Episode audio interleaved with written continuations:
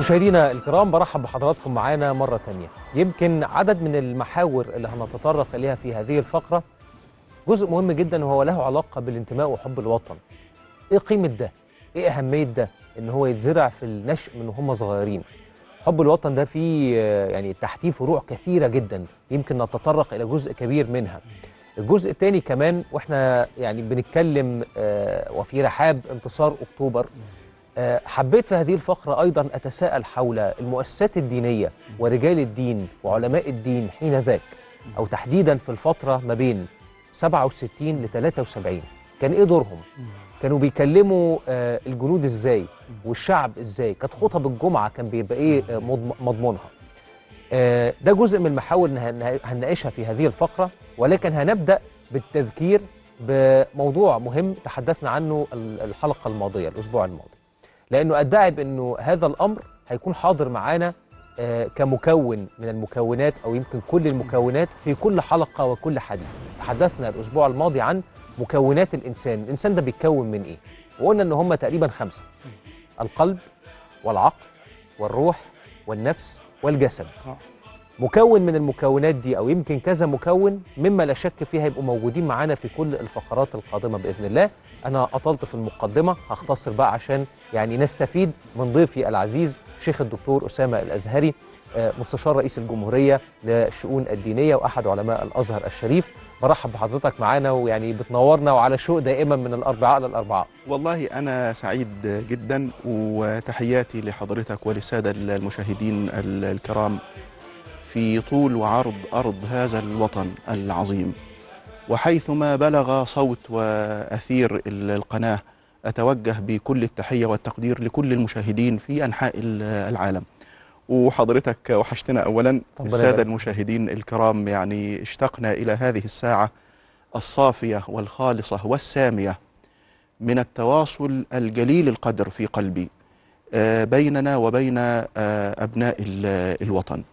طبعا آه، يعني آه، خير ما نستفتح به توجيه التحية إلى شعب مصر العظيم وإلى قواتنا المسلحة الباسلة والشامخة آه، على النصر المجيد والخالد والتاريخي والباقي في حرب أكتوبر 73 العاشر من رمضان.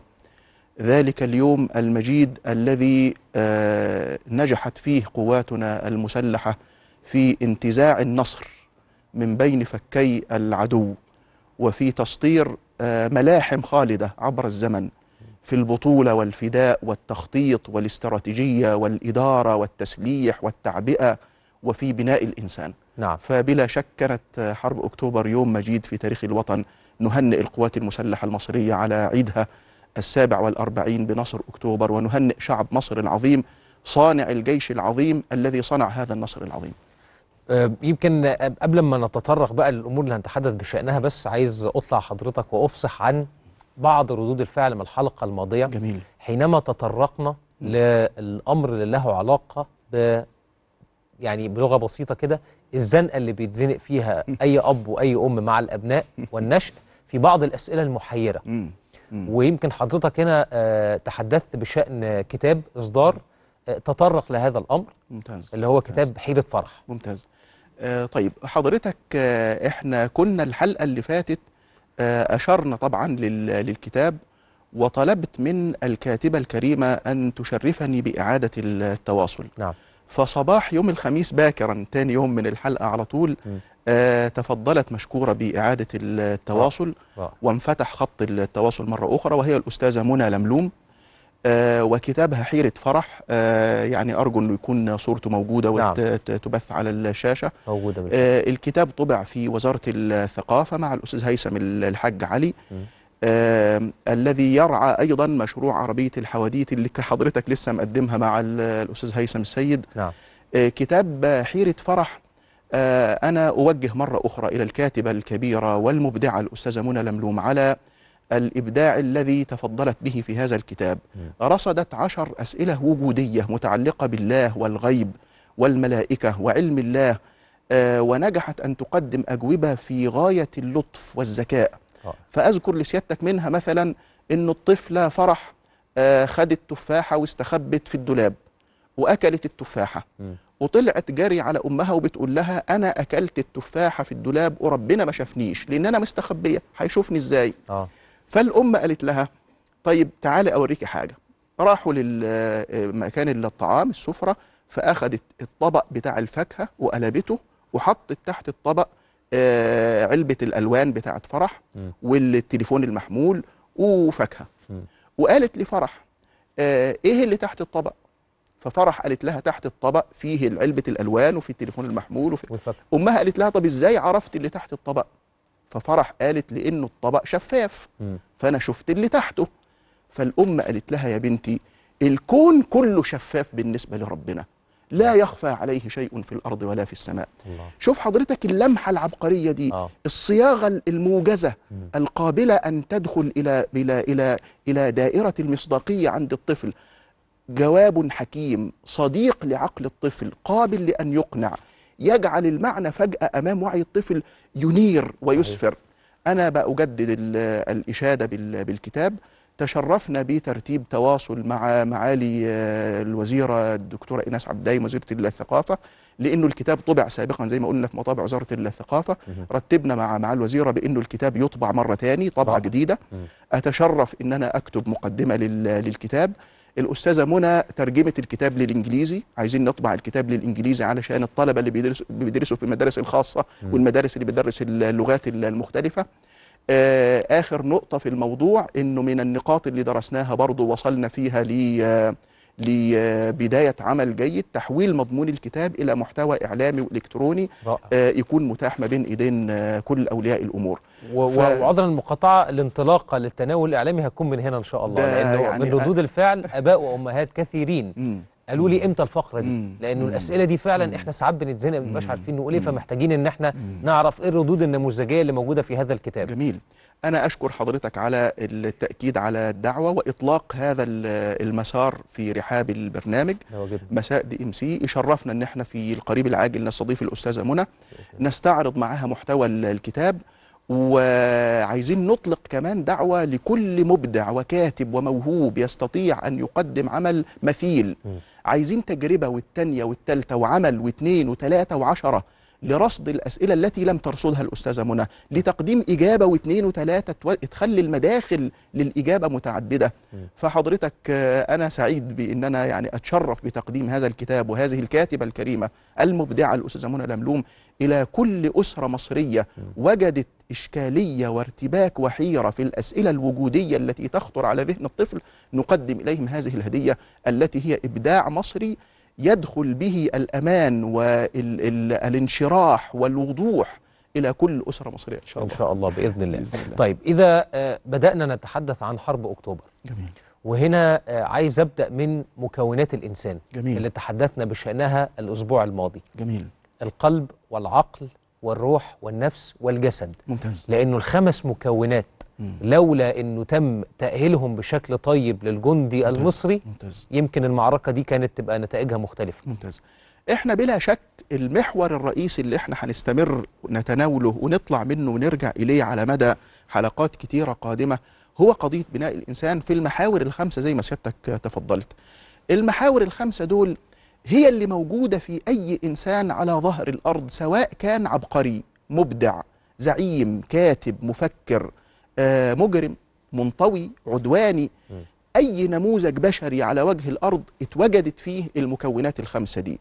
لكن بحسب طريقة الإدارة لهذه المكونات والتربية الخاصة بكل مسار. إحنا قلنا المرة اللي فاتت إنه في تربية خاصة بالجسد في تربية وصناعة وتنمية خاصة بالعقل نعم. في تربية خاصة بالنفس بالروح بالقلب. قد تدار هذه العناصر الخمسة بصورة مثالية وناجحة فتصنع إنسان ناجح وعبقري مهما كان ميدان نبوغه وقد آه، يحصل ارتباك وسوء في إدارة العناصر الخمسة فتصنع إنسان مجرم أو منحرف أو إرهابي أو ما أشبه. حرب أكتوبر 73 أستطيع أن أقول إنها كانت تطبيق تاريخي ومثالي وعبقري وقف فيه شعب مصر العظيم وهذا الوطن ليعيد البناء والترتيب والتنمية والصقل للمكونات الخمسة في الإنسان ال- المصري. نعم. وأقول لحضرتك إزاي؟ إحنا من بعد آه، 67 كان عندنا تحدي في في منتهى الخطورة والصعوبة. كان عندنا آه، وضع اقتصادي خانق وصعب جدا. صحيح. إحنا في حرب اليمن من 63 يعني من 63 ل 67 وإحنا الدولة بتتحمل تكاليف باهظة وضخمة. مم. ثم جاءت جاءت لنا ال ال ال الضربة الموجعة جدا في 67 وبدأنا من 67 ل 73 وإحنا كلنا مؤمنين بإننا بن بال بنتكاتف ونشد ال- الأزر ونوجه كل طاقتنا ومواردنا المالية لإعادة بناء قواتنا ال- المسلحة. ده تحدي مش سهل وتحدي في غاية الصعوبة يضاف إلى ذلك. التحدي النفسي. الذي قامت إسرائيل باستغلاله بأقصى صورة في توجيه هزيمة معنوية. شوف يا صديقي العزيز آه كان المؤرخ الكبير مؤرخ ال- ال- الحضارات ال- الكبير كان عندنا ال- الأستاذ العبقري محمد شفيق آه، غربال. وكان من عباقرة التاريخ الحديث في آه، في في مصر كان من ضمن دراساته للتاريخ أن أحد أساتذته قال له ما فيش حضارة من الحضارات تموت قتلا يعني ما فيش أي أمة من الأمم أو دولة من الدول احتلت من قبل عدو آه، معتدي على الأرض ينجح أن يقتل هذا الشعب أو هذه الحضارة. لكن هذه الأمة قد تموت انتحارا. إذا استسلمت لعوامل الإحباط والهزيمة وعاشت معها ده عمره ما ممكن يكون فيه أي عمل يتم إنجازه. نعم. إحنا كمصريين عملنا إيه؟ أذكر حضرتك أنا طبعا عشت فترة مع مذكرات قادة آه، أكتوبر 73 مذكرات المشير محمد عبد الغني الجمسي مذكرات ال- الفريق سعد الشاذلي عشرات من المذكرات اللي كتبت في حرب أكتوبر. م. آه، أذكر انه الفريق سعد الدين الشاذلي رئيس الأركان في حرب أكتوبر المجيدة كان بيقول إن إحنا لما تولى رئاسة أركان القوات المسلحة وجد إن إحنا علشان نصل في إعادة ترتيب قواتنا المسلحة إلى ما يساوي قوة العدو. فقط مساواة القو... قوة العدو اللي تتيح لنا اتخاذ قرار الحرب إن إحنا محتاجين 30 سنة. بس إحنا لازم نحارب خلال 3 4 سنين. آه. مفيش بد. الحرب حتمية ولا لابد أن نخوض المعركة ونسترد الأرض ونستعيد كرامة الوطن. نعم. لازم نخوض. فالمهام التي كان يمكن إنجازها على مدى 30 سنة في في المسار المعتاد كنا إحنا عايزين نستنفر الهمة والطاقة والعزيمة علشان ننجز هذه المهام في مدة 3 4 سنين. إيه النتيجة اللي تحصلت؟ إن إحنا نجحنا. نعم. نجحنا بما معناه أنه تم آه، إعادة بناء العنصر البشري تم إعادة بناء ضباط وأبطال القوات المسلحة تم إعادة تعبئة الروح المعنوية تم إعادة تعبئة الشعب المصري أننا نخوض معركة نتضافر عليها ونقدم لها كل الإمكانيات المتاحة. نعم. التجرد معنى من المعاني والقيم التي تهزم شره النفوس وتجعل الإنسان يتجرد يجود يفتدي الوطن. ألو... الولاء الافتداء البطولة التضحية الفداء التضامن. دي حضرتك كلها منظومة قيم.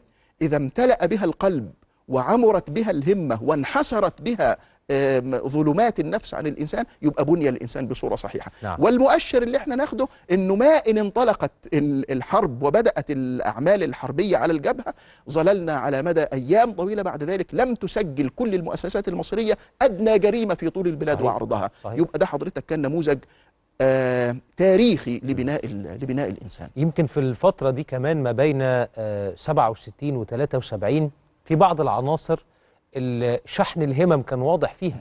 يعني الظروف الاقتصادية كانت صعبة. آه، المعونات الغربية توقفت لتضييق الخناق الاقتصادي على مصر. كان في تحديات كثيرة جدا. وعلى رأسها عودة أو إعادة آه، إعداد مرة أخرى القوات المسلحة. نعم. آه، سندات الجهاد حينما طرحت كان في إقبال كبير. كانت معدلات الحصيلة الضريبية أعلى لأن المواطن بقى حاسس إنه عنده مسؤولية وطنية. جميل. فبقى مقبل على إنه يدفع كل ال- الضرائب المستحقات ال- اللي عليه. جميل. معدلات الجريمة إن- انخفضت زي ما حضرتك جميل. تفضلت.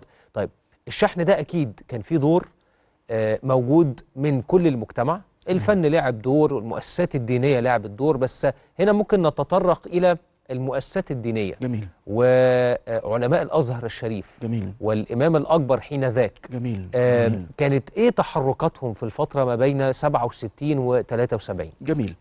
آه طبعا آه المدخل المناسب لهذا الأمر في ذهني أن ال- الشعب المصري والمؤسسات المصرية نجحت في صناعة حالة من الاستنفار والتنسيق وتوزيع المهام والاحتشاد في ظهر القوات المسلحة آه، بما يجعل هذه اللحظة في تاريخ الوطن لحظة خالدة.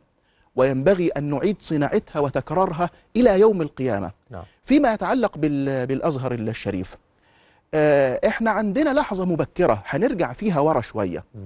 آه، لما نرجع للعدوان الثلاثي سنة ستة وسنة 56 قام الإمام الأكبر شيخ الأزهر الشيخ المرحوم عبد الرحمن تاج. تولى مشيخة الأزهر من سنة 54 إلى سنة 58 نعم. آه، حصل العدوان الثلاثي سنة آه، 56 فنزل الإمام الأكبر الشيخ عبد الرحمن تاج زي ما شايفين في على الشاشة. يرتمي على أرض الجبهة مع أبنائه من أبطال ورجال القوات المسلحة ويمارس بنفسه التدريب على الرماية وإطلاق النار. وإذا تقدم الإمام الأكبر شيخ الأزهر إمام المسلمين في المشارق والمغارب ليرتمي بنفسه وبزيه الأزهر الشريف على أرض الوطن ليتعلم كيف الرماية وإطلاق النيران معناها أن كل من دونه من رجال الأزهر الشريف استلهموا الرسالة وفهموا التوجيه بالانطلاق بين كل جموع الشعب المصري للحشد للمعركة.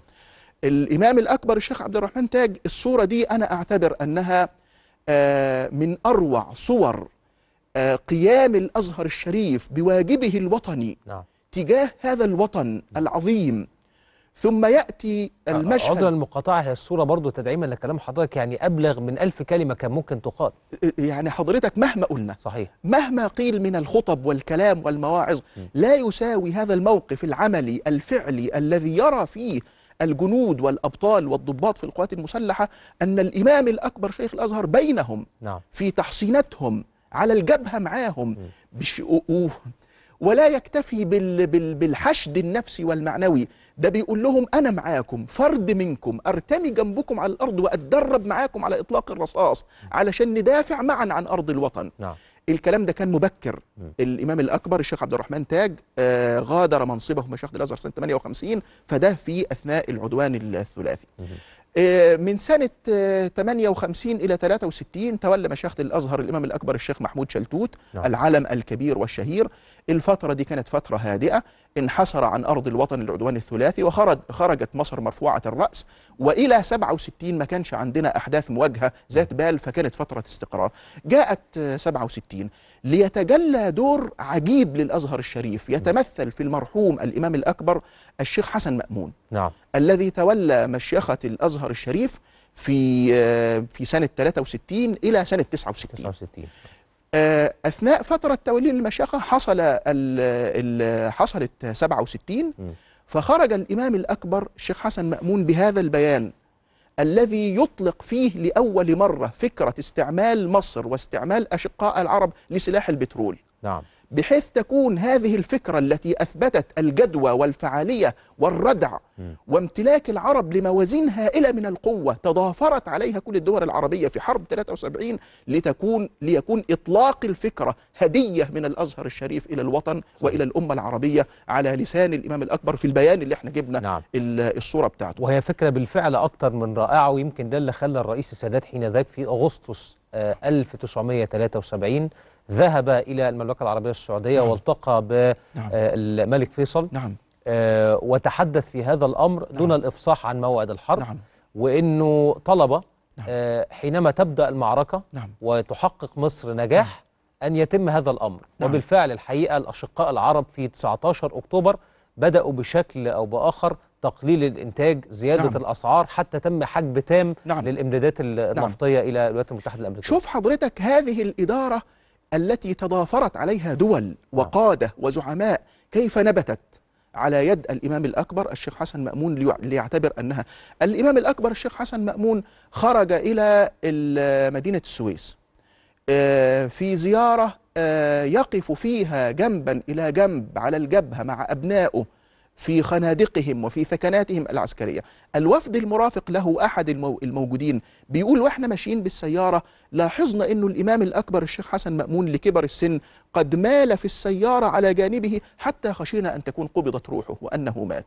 وقفنا الموكب ال- المحي... ال- ال- اللي اللي ماشي مع الإمام الأكبر وطلعنا جري واطمنا على صحته. طب نرجع يا فضيلة الإمام قال لهم لا نكمل ونروح لأولادنا أبطال القوات المسلحة. فراح ووعظهم وشد من أزرهم وقوى من عزيمتهم ثم أخذوه إلى بور توفيق فوقف على ضفة ال- القناة ورأى العلم الإسرائيلي على الضفة الشرقية على أرض سيناء فانهمر في البكاء ورفع يديه يدعو ويبتهل إلى الله أن يمن بالنصر والتوفيق على أبطال قواتنا المسلحة وأن يؤيدهم في الحرب وأن يشد أزرهم وأن يرزقهم ال- التوفيق.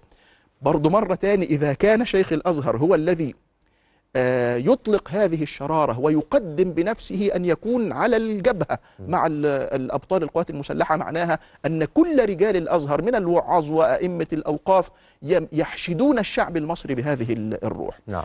نمشي حضرتك من الإمام الأكبر الشيخ حسن مأمون وننتقل إلى شيخ الأزهر التالي الإمام الأكبر الشيخ محمد الفحام. نعم تولى. مشيخة الأزهر من 69 إلى سنة أوائل 73 نعم. قبيل الحرب. آه، حيث طلب الإعفاء من منصب شيخ الأزهر لظروفه الصحية وأنا تشرفت بزيارة ابنه في مدينة الإسكندرية وكان سنه حوالي 94 سنة وأعطاني كتاب خاص أعدته عائلة المرحوم الإمام الأكبر الشيخ محمد الفحام عن حياته وشهاداته من فرنسا.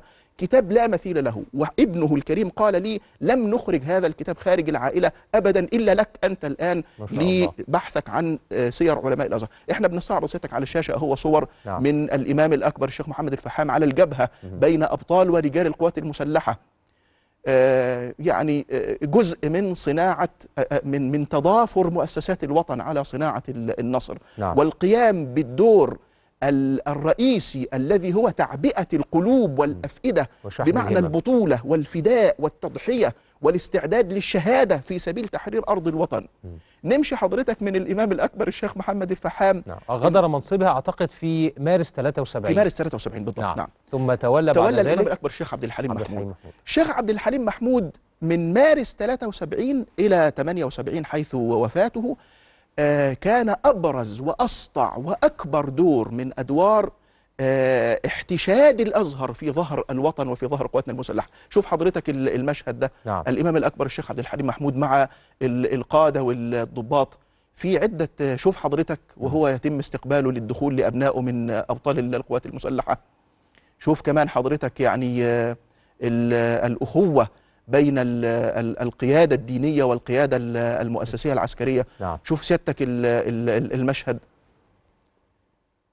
شوف حضرتك وهو بين مع الجنود. نعم. إلى إلى إلى مختلف الرتب في في رجال قواتنا المسلحة. دور كان بالغ الأهمية لشحن الهمم و- والتأكيد على أن النصر قادم بمشيئة الله مع الاستعداد والتدريبات و- و- ويعني ال- الإرادة للجندي المصري. أن النصر قادم وقد تحقق الحمد لله يا بالفعل. فندم شعب عظيم ووطن كبير أخذت مؤسساته جميعا القرار بأننا لا بد أن نحارب نعم. لا بد أن ننتصر لا بد أن نستعيد الأرض لا بد أن نسترد الكرامة. الإمام الأكبر الشيخ عبد الحليم محمود لم يقتصر الدور على تحريك مؤسسة الأزهر لتقوم بشحن وتعبئة الشعب المصري بأكمله للاستعداد للمعركة ولم يقتصر على الذهاب للجبهة ليكون بين أبنائه من أبطال القوات المسلحة بل كان له دور شخصي كبير مع الزعيم والقائد الرئيس محمد أنور السادات في شد الأزر نعم. في شد. في إنه ما حيثما تأكدت من أننا قد أخذنا كافة الاستعدادات واستوفينا كافة ال... ال... الاستعدادات على بركة الله. ما تقلقش ما تخافش. خذ المعركة. منصور مؤيد موفق. نعم. حتى تواتر عندنا في الأزهر الشريف ودونها عدد من الكتاب والمؤرخين أنه رأى النبي صلى الله عليه وسلم قبيل المعركة بأيام وأنه أخذ بيد رجال القوات المسلحة وعبر معهم إلى شرقي القناة. كان لهذا آه يعني أثر عظيم. ولا يعني هذا الاقتصار فقط على الجانب المعنوي والإيماني مع الإخلال مثلا بالترتيبات والاستعدادات العسكرية في القوات الجوية وفي الصواريخ وفي الدفاع الجوي وفي القوات البحرية. ال يعني ال ال ال ال أشكر حضرتك إن حضرتك تطرقت لهذه النقطة لأنه نعم. يمكن البعض بيقول لقد انتصرنا بسبب هتاف الله أكبر وتغافلوا عن كيف تم الإعداد والتدريب والخطة المحكمة وتحرك كل سلاح بمواعيد محددة بالثانية حتى مش بال- بالدقيقة يعني؟ إحنا حضرتك من النقاط اللي أنا عايز أتطرق إليها النهارده بعد شوية. لمحة من الاستعداد والمجهود الخارق الذي يصل إلى حد الإعجاز في آه، الترتيب لل- للحرب. أنا عايز أقول من وراء هذا الكلام إنه لا يمكن ابدا. عبر تاريخ البشر وإلى يوم القيامة لا يمكن ابدا صناعة نصر بالاعتماد فقط على الجانب المعنوي مع الإخلال بكل الاستعدادات ال- ال- ال- العسكرية والاقتصادية والاجتماعية.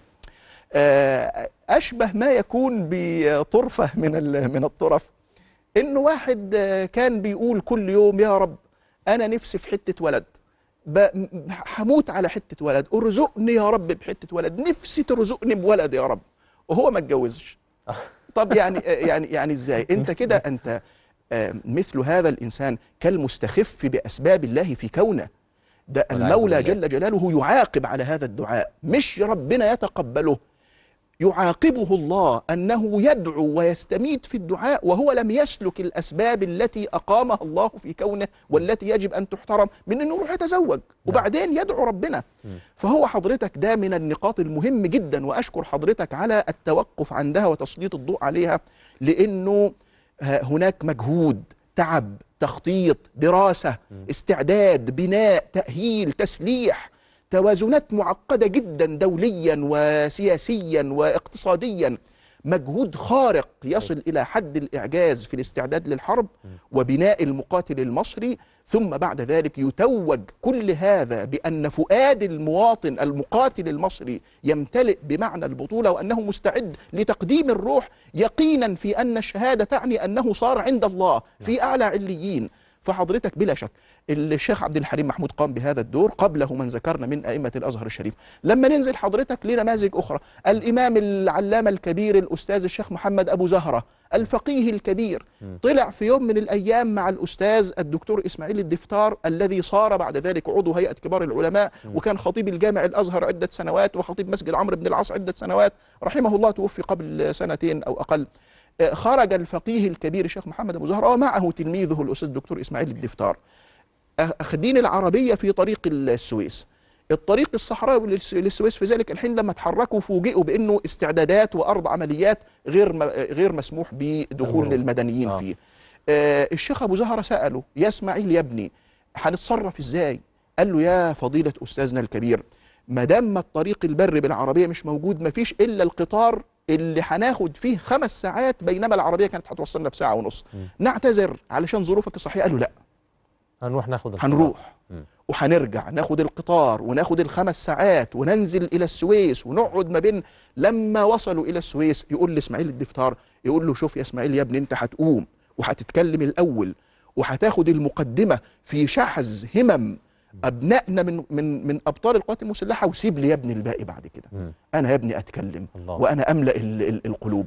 آه الإمام الكبير الأستاذ الشيخ أحمد فرح. نعم. آه نعم. يعني هنستكمل بس يجب أن نخرج إلى إلى فاصل. بس جداً. قبل ما نخرج للفاصل كمان عايز أقول إنه ما تفضلتم بروايته من هذا التضافر داخليا وعربيا قد إيه بيخليني بقول ليتنا اليوم هكذا متضافرين بهذا الشكل داخليا وعربيا لأنه النموذج اللي إحنا بنتكلم عليه ده إنه الجميع على قلب رجل واحد لتحقيق ال- النصر والمساندة العربية هي اللي خلت موازين القوى حول العالم آه، تفكر مرة صح. واثنين صح. وثلاث آه، يعني عدة مرات. صح. فهنا معناها إنه فعلا قوتنا مع بعض نقدر بيها إن إحنا نتغلب على أي صعاب. أنا عايز أعدل العبارة تعديل صغير جدا. نعم. أنا مش هقول ليتنا كنا هكذا.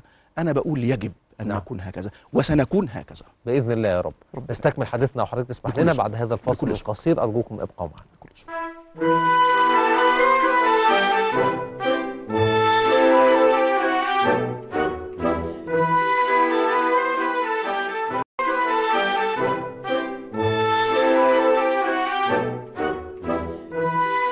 برحب بحضراتكم مرة ثانية مشاهدينا الكرام وبنستكمل حديثنا الممتع مع فضيلة الشيخ الدكتور أسامة الأزهري.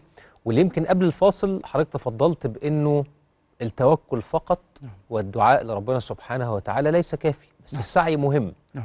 وهنا في إطار السعي آه، لما بتكلم على إعداد القوات المسلحة للحرب فبنتكلم على تدريب وعلى تخطيط و والكلام ده كله. ومن ضمن الحاجات اللي يمكن محتاجين نقف عندها. فكرة عبقرية. آه لم تكن تخطر على بال. إنه هذا الساتر الترابي.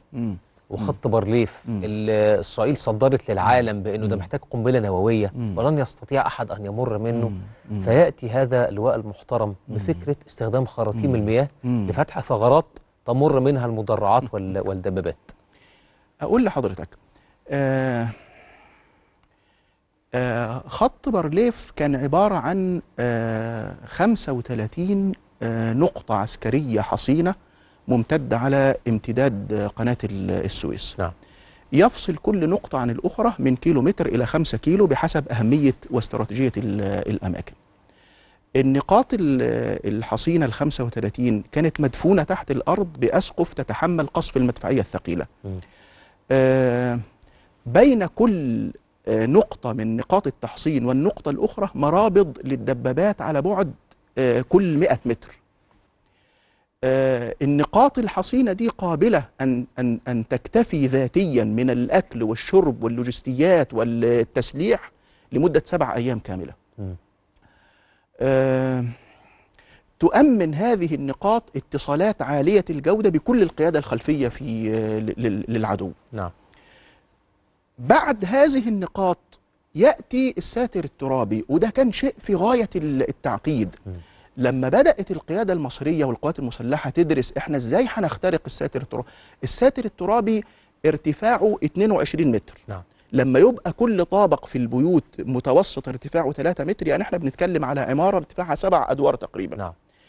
التراب اللي يغطي اللي يكون الساتر الترابي يمتد بطول ال- القناة وهو تراب فيه نسبة من الليونة وال- وال- والسيولة تجعله آه، يتهايل وينهار لو حاولت إنك تحدث فيه اي أي ضرر. نعم.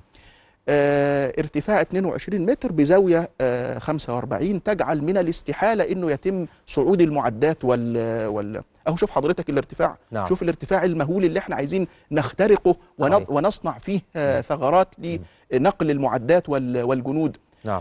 الساتر الترابي حضرتك بدأنا نفكر ال- الأطروحة اللي كانت موجودة عند قواتنا المسلحة إن إحنا عايزين في لحظة العبور ننقل سلاح المهندسين ويبدأوا بالأدوات الحفر اليدوية يعملوا حفر في الساتر الترابي ويضعوا المتفجرات علشان تجعل التراب آه، يعني آه، يزاح من من المكان. نعم. وجدنا إنه آه كل ما نضع متفجرات هتكون كفيلة بإزاحة من 200 ل 300 متر مكعب تراب ويظل 1200 متر مكعب محتاج إنه يزال يدويا. ده كله ليه؟ عايز يعمل ثغرات علشان تتيح للبلدوزرات إنها تطلع تفتح أماكن للدبابات. نعم. شوف حضرتك التعقيد والتحدي. صحيح. وعامل الوقت كمان. وال علشان المهندسين يعملوا ثغرة في الساتر الترابي عن طريق التفجير وبعد كده ننقل البلدوزر. هيبقى عرضة للقصف الإسرائيلي خصوصا كل ما يطلع فوق خط الأفق بتاع بتاع الساتر الترابي. نعم. مع احتياج إلى 60 آه، فرد من أفراد القوات المسلحة من 200 ل 300 كيلو جرام متفجرات و- وفترة عمل في كل ثغرة واحدة من خمس لس- لست ساعات دون حساب آه، آه. تدخل العدو. ده شيء وحده كان كفيل بإنه يدخل اليأس على أي قلب أي صحيح. أي قوات نظامية آه، مسلحة في العالم. في أكتوبر سنة 69 أنا أعتز بهذا الشهر وبهذا التاريخ لأنه شهد ميلاد العبقرية. يذكر ال- السيد اللواء باقي زكي يوسف نعم ال- المبدع العبقري البطل أنه في ذلك الوقت كان مقدم مقدم مهندس. آه وكان يعمل تحت إدارة سيد اللواء سعد زغلول عبد الكريم قائد فرقة 19 مشاة. جالهم توجيه بوجود اجتماع.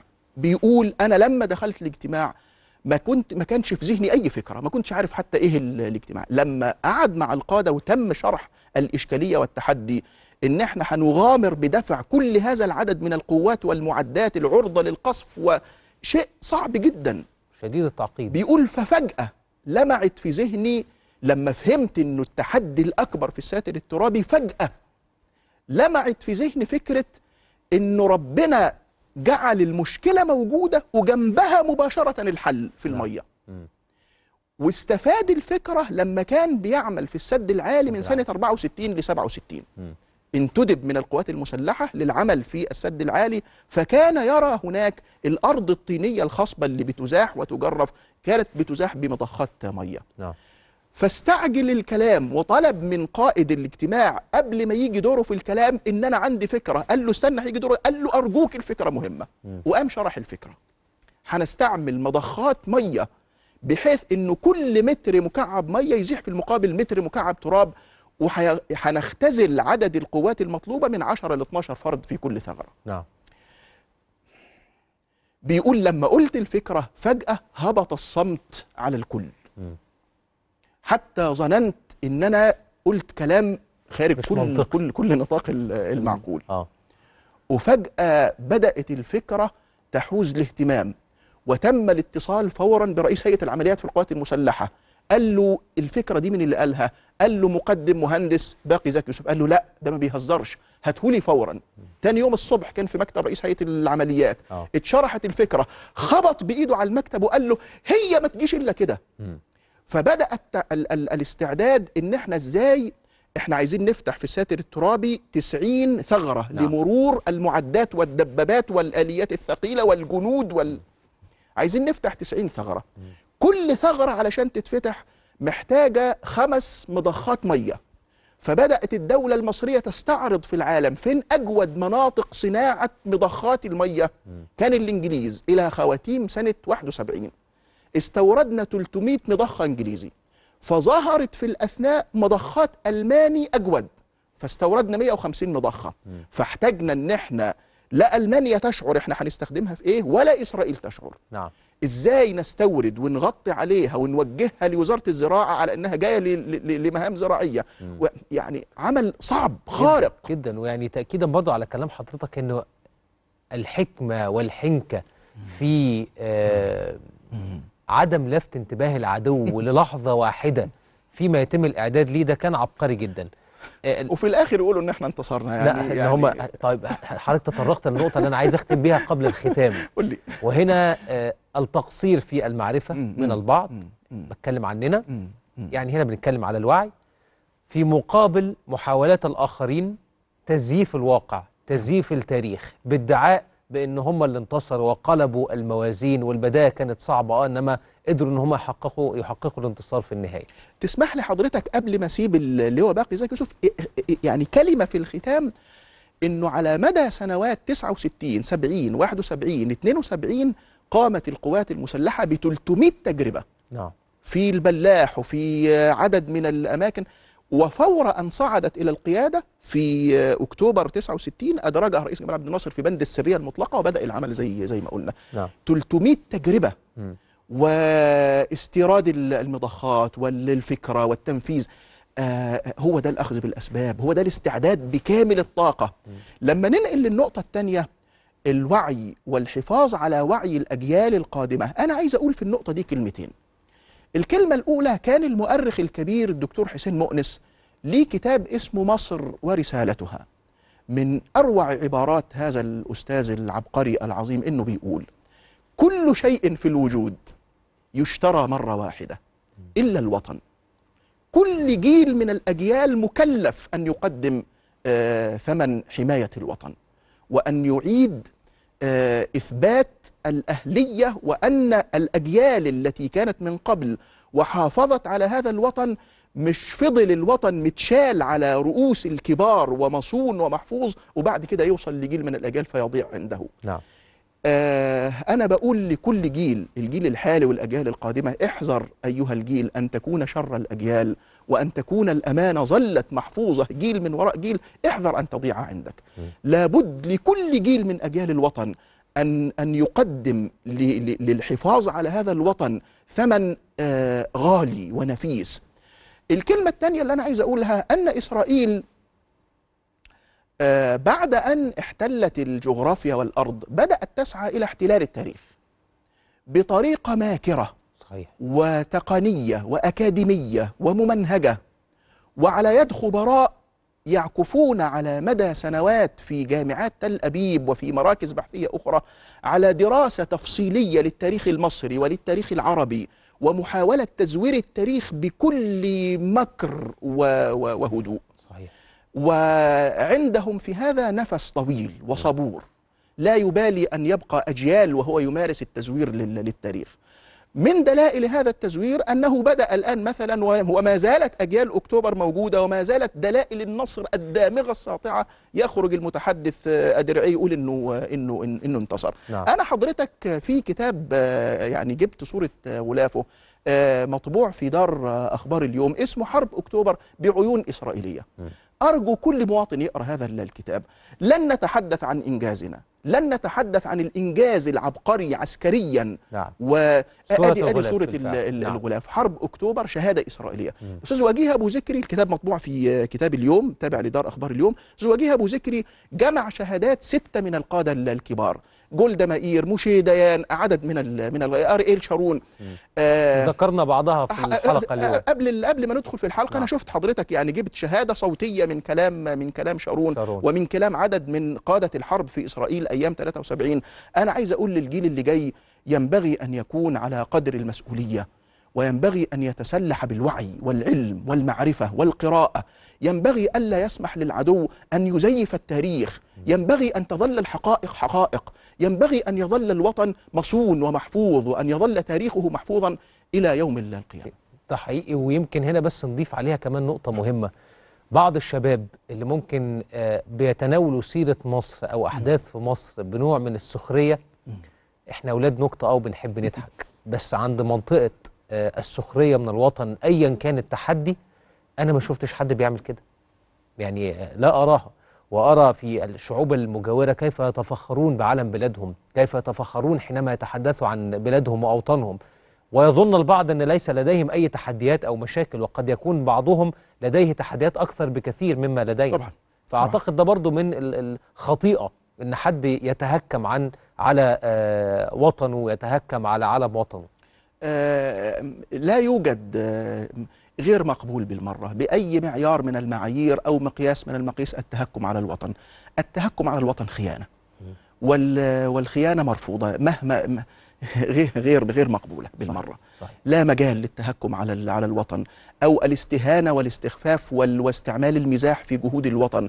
وفي تضحيات بذلت فيها آه، دماء غالية من أبناء الوطن من أجل حمايته. آه، بس أنا عايز أقول حضرتك إن إحنا محتاجين نبذل مجهود كبير وقد تكون عدد من أعمال الدراما مهمة. نعم. آه، وسيادتك تذكر إن إحنا قبل الحلقة كنا بنتكلم عن فيلم الممر وكنا بنتكلم عن مسلسل الاختيار طبعا. آه، أريد أن أقول المبالغة في شرح التاريخ والاعتزاز بكل ما بذل عبر هذا التاريخ في سائر أيامه الوطنية الكبرى وفي التاج منها ودرة التاج منها. حرب أكتوبر 73 المبالغة في شرح الإنجاز والعبقرية والفداء آه، مهمة جدا في لفت أبناء الوطن إلى قيمة هذا البلد لأن هناك معادلة تشبه المعادلات الرياضية. التاريخ يولد المعرفة. المعرفة تولد الإعجاب. الإعجاب يولد الانتماء. نعم. إذا أردنا أن نشيد الانتماء في القلوب ينبني بعد الإعجاب الناشئ عن معرفة التي لا يمكن أن تكون إلا من دراسة عميقة للتاريخ نعم ربنا يا رب يحفظ بلدنا آمين. ودائما نكون آمين. في انتصار وعلى شوق للقاء الأربعاء القادم بإذن الله في الأربعاء القادم إن شاء الله يكون لنا لقاء جديد وأنا سعيد وممنون ونلتقي على كل خير بإذن إحنا السعداء دايما بتشريف حضرتك لينا والحديث الشيق من حضرتك. بشكرك شكرا الله جزيلا. شكرا جزيلا بشكرك شكرا جزيلا. وبشكركم مشاهدينا الكرام على طيب المتابعة. نلتقي مع حضراتكم غدا بمشيئة الله على ألف خير. دمتم في أمان الله.